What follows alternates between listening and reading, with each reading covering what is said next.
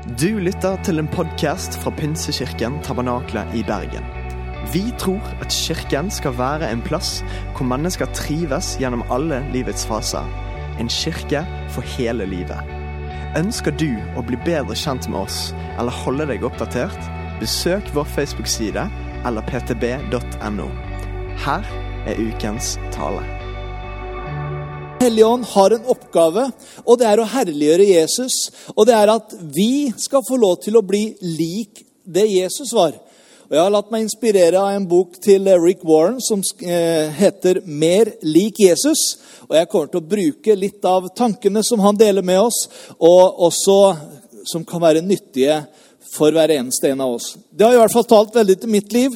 Og det er sånn med det vi skal snakke om i dag, om med åndens frukt. Det blir vi på en måte aldri ferdig med. Eh, når du tenker at 'nå er jeg helliggjort', nå er jeg, nå er jeg så lik Jesus som det bare går an, så får du en liten sånn Noen setter beinkrok på deg, og så går du over ende, og så tenker du 'Hvorfor reagerte jeg som jeg gjorde nå?' Sånn hadde nok ikke Jesus reagert. Og det er nettopp det livet som vi skal få lov til å se litt på.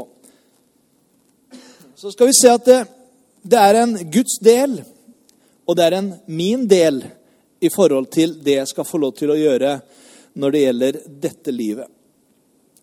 Frukt, ja. Jeg husker eh, noen av mine fine barndomsminner var nettopp fra byen der jeg fikk lov til å vokse opp. Ikke født, men eh, vokste opp i Nord-Argentina. Eh, og i hagen, i det svære tomta vi hadde, der hadde vi appelsiner. Dvs. Si appelsintrær. Vi hadde mandarintrær, vi hadde mangotrær, vi hadde papayapalmer, og vi hadde bananplanter. Ja, og det, det er liksom Alt dette her, det er naturlig frukt. Men så er det også noe som heter biologisk frukt. Det er holdt på å si, avkom av mennesker og dyr. Det er en biologisk frukt som også er en type frukt som vi snakker om. Men det er ingen av de to vi skal snakke om i dag. Vi skal snakke om åndelig frukt. Og hva er nå det for noe? Hvordan får vi disse karakteregenskapene? Og Det ser ut som om Gud gir oss alt på en gang, slik at disse egenskapene de materialiserer seg i våre liv. Men for å gjøre det så benytter han en prosess, og den skal vi se litt på sammen. Et samarbeid mellom Gud og oss. Paulus beskriver denne tosidige prosessen som eh, Gud bruker i Filipperne 2, vers 12 og 13. Arbeid på deres egen frelse med respekt og ærefrykt. For det er Gud som er virksom i dere, så dere både vil og gjør det som er etter Guds vilje. Dette høres litt som en selvmotsigelse ut hvis du leser det kritisk. Arbeid for deres frelse, og det er Gud som gjør det. Men hvis vi leser ordentlig, så ser vi at et, det her det er et paradoks. Nøkkelen til å forstå dette paradokset er det lille ordet 'på', som det står i verset. Det står ikke 'arbeid for din frelse'. For da ville det jo bety at vi kan gjøre noe for å bli frelst. Og det er ikke det som står. Gud tar seg av frelsen. Han har gjort alt det som trengs da han ga sin eneste sønn for oss, for at hver den som tror på han ikke skal gå fortapt, men ha evig liv. Bibelen lærer tydelig at vi ikke kan arbeide for frelsen. Den er gratis. Det er en gave av bare nåde som vi egentlig ikke har fortjent. Men det Paulus sier, at vi skal arbeide på vår frelse. Og det er et åndelig treningsprogram. Når vi eh, skal trene, så bruker vi musklene.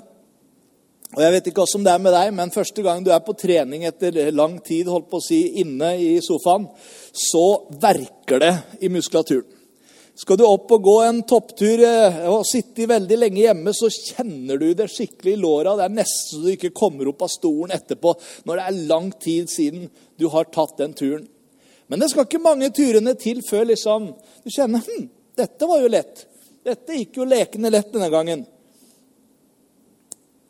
Du trener opp muskulaturen. Og jeg tror også i forhold til åndelige frukt så er det ikke sånn at vi har alt det klart med en gang. Men vi kan få lov til å gå en prosess sammen med Herren, og så vokser vi hver dag i den prosessen. Redskapene som Gud bruker, skal vi se litt på. Og Det første og viktigste, det er Guds ord Det kan være du har den på iPaden, eller de fleste etter hvert har den på mobil. Mange forskjellige versjoner. Og jeg har lyst til å bare oppmuntre deg og si ikke bare ha den på mobilen, men bruk den hver eneste dag.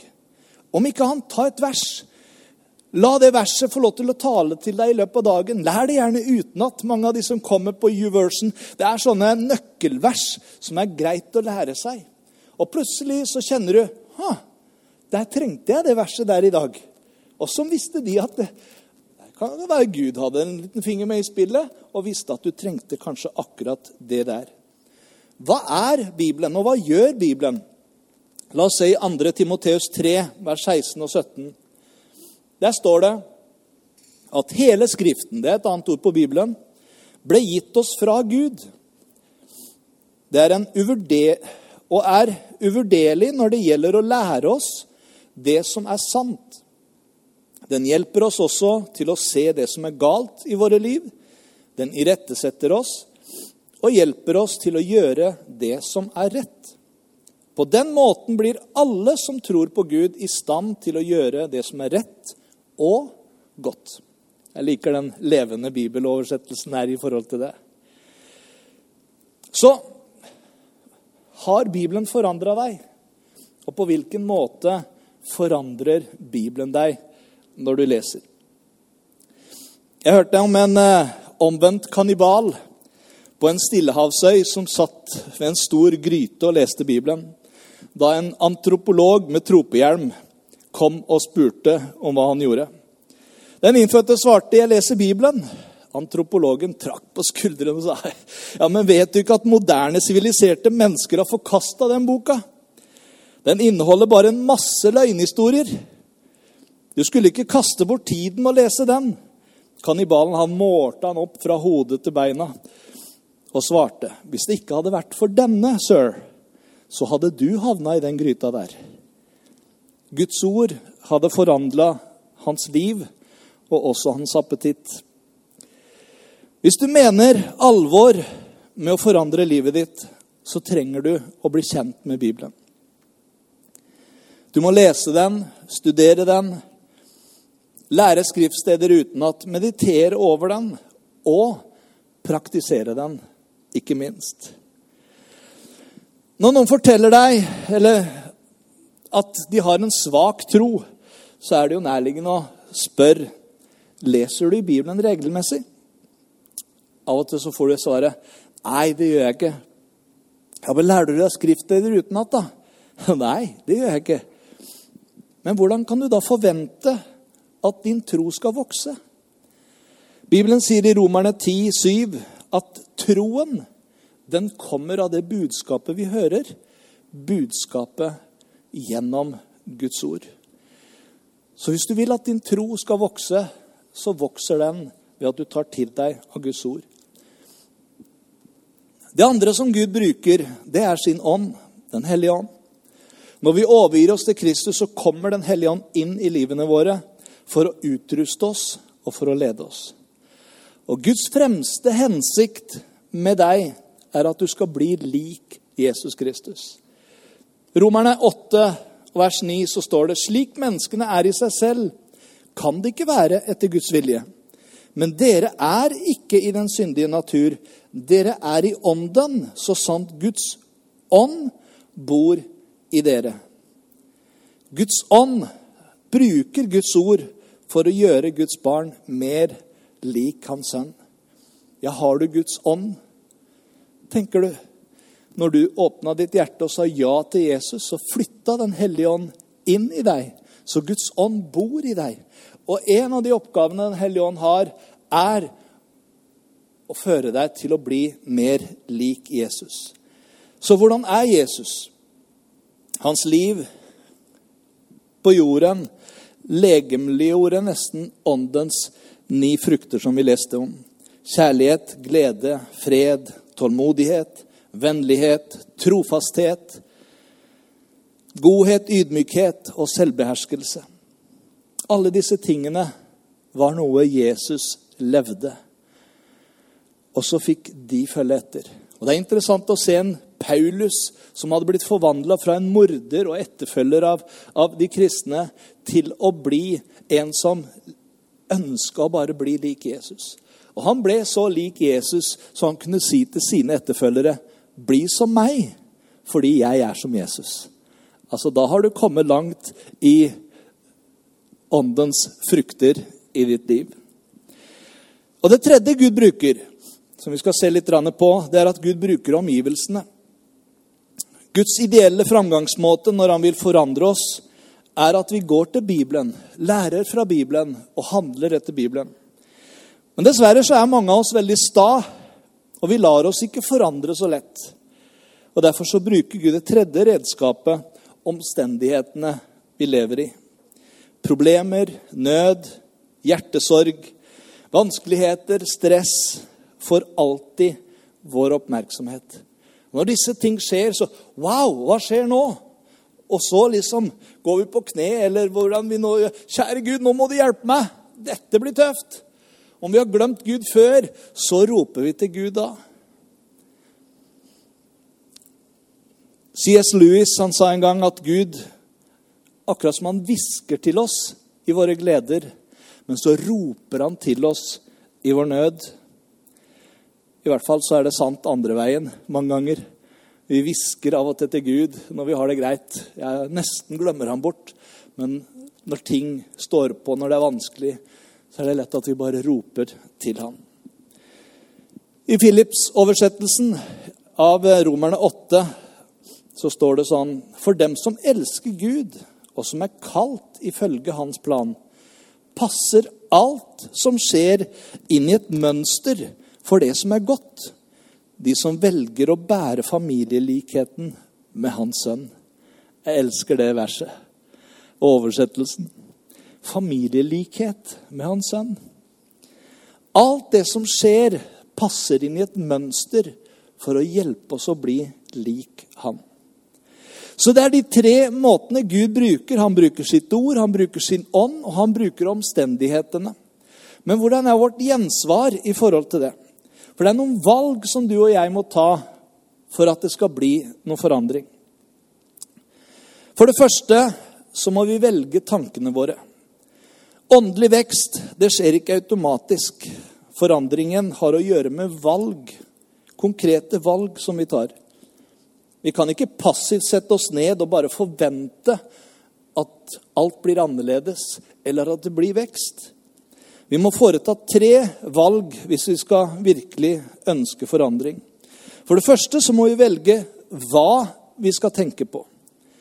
I Godt nytt-oversettelsen av ordspråket 4 så står det Vær nøye med hvordan dere tenker, for livet formes av tankene dine.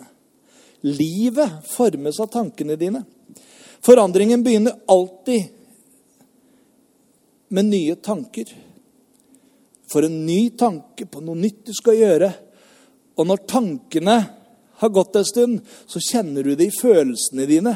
Følelsene kommer i sving. Og når følelsene kommer i sving, så kommer også handlinger i sving. Det greske ordet for uh, dette er metanoia, og det betyr å endre sinn og perspektiv. Og Bibelen lærer at det vi tenker, det bestemmer det vi føler. Og det vi føler, det bestemmer hvordan vi handler. Du kan se det i denne grafen her. Og det er omtrent sånn. Og Jeg har av og til tenkt litt i forskjellige situasjoner. Kanskje en person som eh, du har litt problemer med, eller eh, i hvert fall i deg. Hvorfor har du det? Jo, fordi du tenker at den personen er vanskelig. Og hvis du tenker at den personen er vanskelig, så begynner du å kjenne på at ja, egentlig så kjenner jeg det. at det, det, Sånn er det. Sånn er det, Og det er så vanskelig. Og, og du bare lar følelsen bygge seg opp pga. en tanke. Og hva gjør når du har gått med denne følelsen at denne personen er så vanskelig? Jo, da begynner du å agere og handle mot den personen på den måten. Fordi du tenkte det, du følte det, og du handla på det. Nå er vi inne i kjernen av hva egentlig åndelig vekst er, og hva åndens frukt er. For dette handler om åndens frukt, eller det motsatte av det, og noe som Gud ønsker å hjelpe oss med. Det samme gjelder eh, Ja. Hvis du vil endre dine handlinger, så må du gå tilbake til kilden, og så må du endre tankemåten. Iblant så blir du ergerlig. Hvorfor det? Jo, fordi du føler ergerlige tanker. Og hvorfor føler du er ergrelse? Jo, fordi du tenker ergerlige tanker. Og det samme gjelder sinne, bekymring og mange andre destruktive tankemønster. Jeg spurte også i formiddag hva er autopiloten i tankene dine. Ja, har du noe autopilot i tankene, sier du? Du vet at Hvis du kjører en båt, en speedbåt som du har satt liksom på en kurs Den skal vest så og så mange grader, og så kan du låse den kursen der, liksom kjører den, den veien. Hvis du da tenker at 'nei, jeg har ombestemt meg, nå vil jeg øst', og så prøver du å vri på rattet, så blir det veldig tungt. Hvis du først har låst autopiloten på en retning, så blir det veldig hardt. Og til slutt så gir du opp. Du blir stressa fordi du får det ikke til. Og så slipper du hele rattet, og så er du tilbake på autopilot igjen. Er det ikke sånn vi er mange ganger? Jeg vet ikke hvor mange ganger jeg har prøvd å slanke meg. Eh, og så er det akkurat som autopiloten. Den er liksom eh, innstilt på en, sånn, eh, en radar. ikke sant? Og så kan du gjerne ta deg sammen litt, men fordi tanken ikke er endra, så havner du oftest tilbake på den samme svakhetene du hadde før. Det er sikkert bare jeg som har det sånn. Ingen andre her som har opplevd det. Men, men, men det har noe med autopiloten, hva vi forteller oss sjøl i forhold til det. Så det som må endres, er tankene våre i forhold til det. Du må endre autopiloten. Og så vil du kanskje begynne å endre også den måten du føler på overfor deg sjøl, og den måten du handler på overfor deg sjøl. Sannheten er at den å tvinge seg selv ved ren viljestyrke til forandring sjelden fører til varige resultat. Den andre måten er å endre retning ved å justere autopiloten. Autopiloten i livet ditt, det er tankene dine. Hvordan ville du fullføre f.eks. disse setningene? Da jeg skrevet noen forslag her til deg. da. Det er så typisk meg òg. Så har du sikkert andre ting Eh, jeg har bare skrevet noen her. Det er så typisk meg å være sent ute bestandig. Det er så likt meg å legge på meg. Det er så likt meg å forsnakke meg. Og det er så likt meg å tenne, bli nedtrykt eller sint. Og så kan du legge til mange av dine Men hva er det vi egentlig gjør når vi holdt på å si, baksnakker oss på den måten der? Jo, det menneskene er Sånn tenker man, leste vi. Så det vi må gjøre, er jo å snu på det. Og istedenfor å si det er så likt meg å komme seint bestandig, så kan vi heller snu på det og si at jeg har tatt et nytt valg. Jeg skal alltid komme til tida. Og det som skjer da, at når det har gått en tid, så liksom Ja, men da er jeg der kanskje ti minutter før isteden. Fordi jeg har bestemt meg. Jeg har snudd autopiloten på noe som er positivt. Som kan få meg i riktig kurs. Og Dette er veldig praktisk undervisning, men det handler ofte sånn i bibelsk sammenheng også. Når Bibelen oppmuntrer oss til å være kjærlige, og vi kjenner på det liksom at av og til så har jeg ikke lyst til å være så veldig kjærlig med det mennesket der, så må du endre tankene. Du må prøve å finne, Istedenfor å finne alle de negative sidene og alle de sidene som du syns er vanskelig, heller begynne å snu. Hva er de positive sidene? Hva er de gode sidene? Og så begynne å fremelske disse i forhold til å endres. Når du har fullført den setningen noen ganger, så vet vi hvor du har din autopilot hen, i hvert fall. Så du kan jo ta en liten runde på det i life-gruppa seinere. Hvordan ville du fullføre de setningene der? Men hvordan kan du bli forvandlet? Jo, du kan bli forvandlet ved at sinnet ditt fornyes. Når du endrer tankene dine, så endrer du følelsene. Slutt å tenke tanker som uroer deg, og begynn å tenke tanker som får deg dit du ønsker å være. Gud gir oss sitt ord, men det er vi som må velge å bruke det. Jesus sa dere skal kjenne sannheten, og sannheten skal sette dere fri. Hva vil det si å meditere på Guds ord? Jeg kan ikke snakke om å sitte i yogastilling og mumle mm, Det er ikke det det handler om, liksom. Eh, og liksom, Nå skal jeg bare sitte og se om Gud taler til meg. Nei, du trenger ikke holdt på å si sånn mental meditasjon, yoga eller andre Østens teknikker. Hold deg helst borte fra det. Men Bibelen sier litt om hvordan vi kan endre tankemåten vår. Og David han har noen gode råd for det. I Salme 1 så leser vi Salig er den mann eller den kvinne som ikke vandrer i ugudeliges råd, og som ikke står på synderes vei eller sitter på spotteres sete. Ugudeliges råd, synderes vei og spotteres sete. Det er lett at vi liksom henger oss på der. Liksom klagekoret på noe, så er det så lett at vi havner der ikke sant? istedenfor å Salig er den mann som ikke gjør det, sier han. Men hva skal vi gjøre da? Nei, men heller har sin lyst i Herrens lov og grunner på den. Hva er Herrens lov for noe? Det er Bibelen. Grunner på Hans lov dag og natt. Det betyr ikke at du går rundt med Bibelen og leser 24 timer i døgnet. Men det betyr f.eks. når du leser på morgenen eller kvelden eller midt på dagen, når det passer best for deg, så er det noen ord som kommer opp. Og Så går du og tenker på det litt i løpet av dagen. Og det kommer opp i situasjoner, så blir du minna på de versene som du leste. Det er å grunne på Guds ord. Du vet at kua den er litt spesiell i forhold til oss.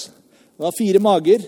Og når du spiser gress første gangen, så går det ned i den ene magen, og så gulper den det opp igjen, og så tygger den litt igjen, og så går det ned i neste magehull, holdt jeg på å si, og opp igjen. og, og Det høres ikke veldig appetittlig ut. Men det er å drøvtygge. Å meditere kan du gjerne si på en måte at det er å drøvtygge. Du har lest et ord og tenker Hæ? Vær ikke bekymret for noe. Men legg alt det dere har å be om, framfor Gud i bønn og påkallelse med takk. Og Guds fred som overgår alt forstand, skal bevares hjerter og tanker i Kristus Jesus. Ja, nå har vi lest det. Så går det liksom Hva var det jeg egentlig leste? Vær ikke bekymret for noe. Det kan du si, det. Og så går vi inn og så begynner vi å meditere på det. Ja, Men hvordan går det an? Det går jo ikke an å leve i dag og ikke være bekymra for noe. Jo, men stopp. Hva sto det videre?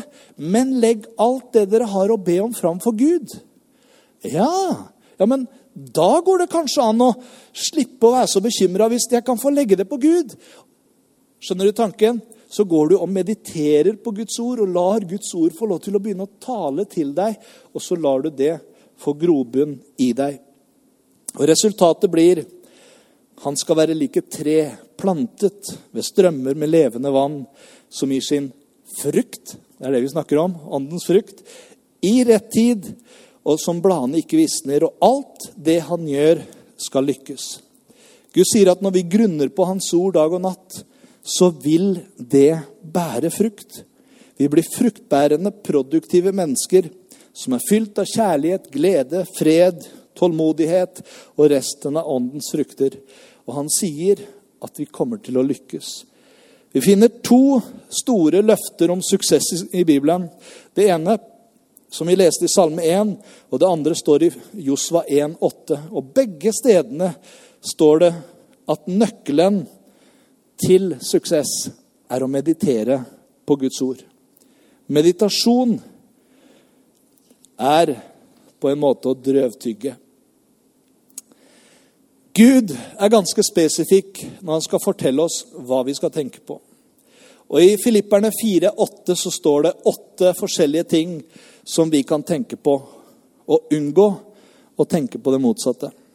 Alt som er sant, alt som er edelt, alt som er rett og rent, alt som er verdt å elske, akte, og all god gjerning og alt som fortjener ros, legg vind på det.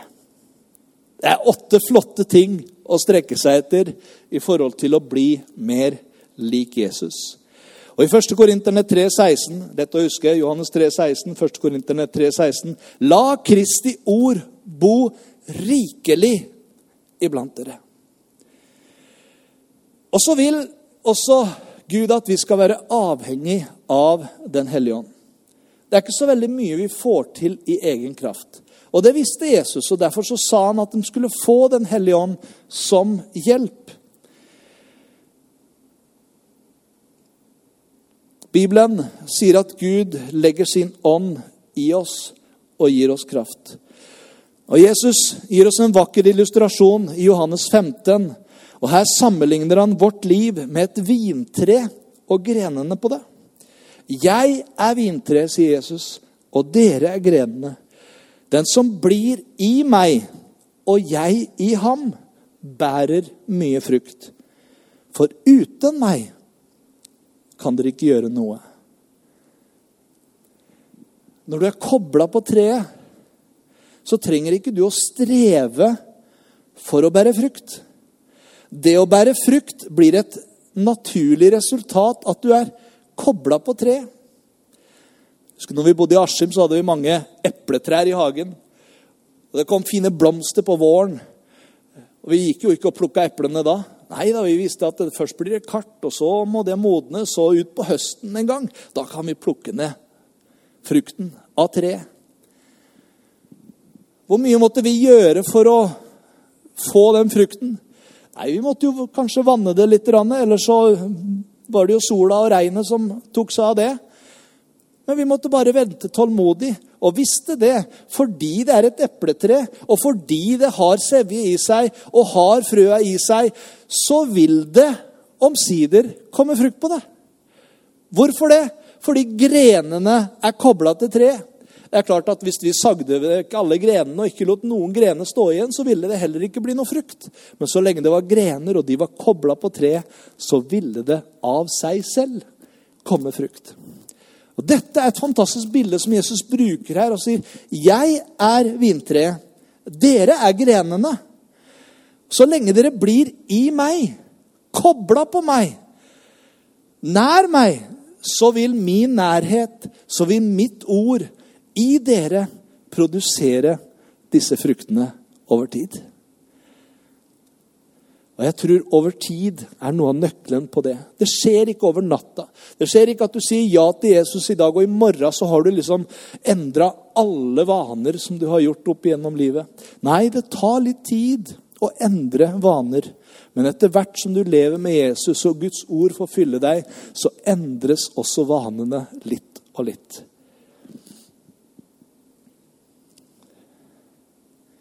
Nå spør du kanskje hvordan vet jeg at jeg er i Kristus?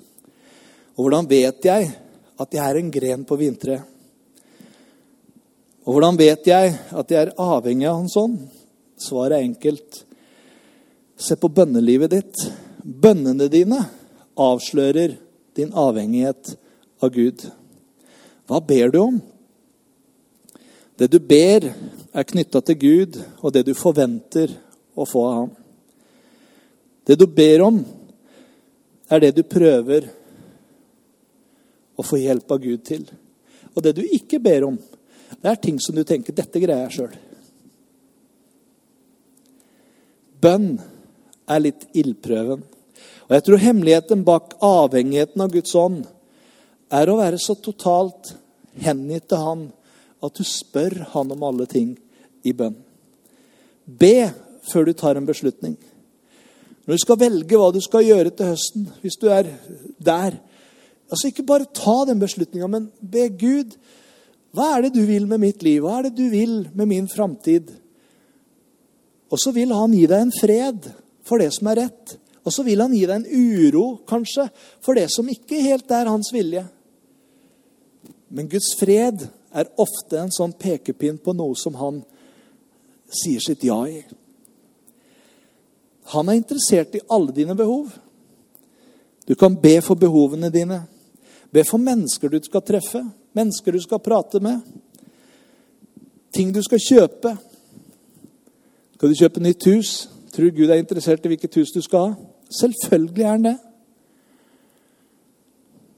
Hvilke sko jeg skal kjøpe? Ja da. Kan snakke med han om det òg. Er dette gode sko, herre? Har jeg råd til det nå? Jeg syns du skal spandere på deg det nå. Du trenger det nå. Altså, hvorfor ikke? Hadde det vært en venn ved siden av, så hadde vi jo konversert på den måten med dem. Og Den hellige ånd ønsker å være en sånn venn nær deg, som du kan snakke med alt om. Fordi du er kobla til han. Det er det som menes med å være i vintreet. Å være oppmerksom på at Gud alltid er med deg. At du alltid er i hans nærhet. Mens du ber, så vil du begynne å se at åndens frukt begynner å produseres i ditt liv. Og så må vi reagere klokt på livets omstendigheter. I tillegg til at vi velger våre tanker og velger vår avhengighet av Den hellige ånd, så kan vi også velge hvordan vi reagerer i forhold til omstendighetene som vi lever under. Viktor Frankl var en jøde som eh, ble sendt til nazistenes konsentrasjonsleir i Dachau. Og Han sier at mens han var i leiren, så tok eh, fangevokterne alt fra ham. De tok hans identitet, de tok hans kone, de tok familien hans, de tok klærne hans, de tok til og med gifteringen hans. Men det var én ting de ikke kunne ta fra han, sa han. Og han skrev det ned. Alt kan tas fra en mann, bortsett fra én ting. Den siste av menneskets frihet er å velge ens innstilling. Under gitte omstendigheter å velge ens egen måte. De kunne ta fra han friheten, men de kunne ikke ta fra han måten han skulle la omstendighetene prege han. Og Derfor så kom han ut derifra også med integritet og med styrke, fordi han lot seg ikke knuse. De kunne ikke ta fra han valget om hvordan han skulle reagere i forhold til omstendighetene. Vi kan ikke kontrollere alle livets omstendigheter. Det er mye som skjer rundt oss i samfunnet, i verden, som vi ikke kan gjøre noe med. Og Vi vet ikke hva som kommer til å skje i morgen. Ja, du vet egentlig ikke hva som kan skje i kveld. Vi har ingenting på en måte helt sikkert. Vi kan ikke kontrollere våre omstendigheter, men vi kan kontrollere hvordan vi reagerer på dem. Og Det som betyr noe i livet, er ikke så mye om hva som skjer med oss, men kanskje mer hva som skjer i oss i forhold til det som skjer. Paulus han sier det i Romerne 5. Når vi møter motgang og prøvelser, skal vi glede oss. Trengslene fører til tålmodighet og utholdenhet, og utholdenheten gir et prøvet sinn. Og den som har et prøvet sinn, lærer å stole på Gud. Tenk å ha et sånt forhold til Gud, at uansett det som skjer, så får jeg hvile i at jeg har jo gitt livet mitt til Gud. Og ingenting kan skje meg uten at Gud er med, og han vil styrke meg. Paulus han hadde et sånt forhold til det. Altså, han sa for meg er det å leve, det er Kristus. Om jeg må dø, så er jo det bare en bonus. Da får jeg jo være sammen med han mye raskere. Tenk å ha et sånt forhold til livet, da. I forhold til omstendighetene. Han sier at vi kan glede oss her og nå, selv i våre trengsler og prøvelser for de skaper tålmodighet i oss og hjelper oss å utvikle moden karakter. Gud bruker altså situasjoner for å forme oss også. Gud bruker situasjoner som andre mennesker mener også for å skade oss, til noe positivt. Husker du historien om Josef i Det gamle testamentet, som ble solgt av sine brødre etter at de først hadde tenkt de skulle ta livet av han, fordi de var misunnelige på han. Men så tenkte de nei, vi selger han til disse kjøpmennene som kommer, og han havna i Egypt. Og en lang historie med masse mørke ting. Fengselsopphold, løgn, intriger. Men en dag så kommer de til Egypt, og så har Josef blitt nummer to etter farao i Egypt pga. et syn han fikk se som Gud brukte han til. Og så kommer brødrene til han, og så ser vi i første Mosebok 50-20, der står det Etter at han sier 'Jeg er Josef, han som dere solgte', så sier han 'Men dere, dere tenkte ut ondt mot meg', men Gud har tenkt det til det gode. Tenk å oppleve det. Det er mange ting som vi kan få lov til å oppleve i livet. Men hvis vi kunne se lengre fram, og hvis vi når vi er her framme, ser tilbake, så ser vi å ja, det var derfor jeg trengte å gå gjennom disse tingene. For at når jeg er her nå, så kan jeg få lov til å være til hjelp for andre mennesker. Mange ting som vi har kanskje opplevd i livet, som gjør oss i stand til å forstå også hvordan andre har det, hvordan andre sliter, hvordan andre har det i sine prøvelser. Gud skapte mennesket, så gjorde han det i sitt bilde. Og han vil vi skal bli lik han. Ikke guder, men gudfryktige. Og han, det han gjør ved å arbeide i vår karakter gjennom sitt ord, gjennom sin ånd og gjennom de omstendighetene som vi lever under. Det greske ordet for prøvet sinn, det er egentlig testet og bevist at det er til å stole på.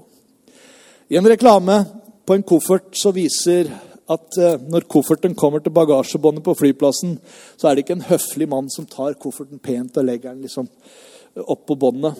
Nei, eh, i reklamen så er det en gorilla som står der. Og han hopper på kofferten, og han slenger kofferten rundt inni bagasjehallen der. Eh, og liksom, Poenget med hele denne filmen er at kofferten er til å stoles på. Ikke sant? Den duger. Den er testet og bevist at den er til å stole på. Og Sånn ønsker Gud også at våre liv skal være. At testene som vi opplever, ikke ødelegger oss, men styrker oss og gjør at vi består prøven som han har gitt oss. Her er en nøkkelsannhet. Gud han produserer åndens frukt i oss ved å tillate av og til at vi havner i situasjoner og møter mennesker med karaktertrekk som er nøyaktig det motsatte av åndens frukt. Og han gjør det for å skape åndens frukt i oss. Tenk bare på hvordan Gud produserer kjærlighet i livene våre. Det er lett å elske eller være elskverdig med mennesker som ligner oss eller er lik oss. Men for å lære virkelig kjærlighet så plasserer Gud av og til plagsomme mennesker rundt oss. Skal du ha opplevd det? Vi lærer sann kjærlighet ved å elske den kverulerende fyren på jobben eller den slemme naboen og Gud lærer oss å elske ved la oss øve oss på uelskverdighet. Det høres litt rart ut, men på den måten så endres vi. Og Det samme gjelder fred. Gud lærer oss fred midt i total kaos. Når alt faller sammen, telefonen ringer, det ringer på døra, noe koker over på plata, babyen skriker og hunden biter katten. Og i en slik situasjon så kan vi virkelig lære indre fred midt i stormen. Gud arbeider slik i hver eneste av fruktene som vi har lest om. Til slutt, ikke tenk at dette skjer over natta. Endring, det tar tid. Du kan starte med å fortelle Gud at du vil være produktiv, fruktbærende kristen. At du vil samarbeide med hans plan. Les og gransk Bibelen. Lær deg skriftsted utenat. Mediter over skriftsteder i Bibelen. Og be Gud bruke sitt ord til å endre måten du tenker på.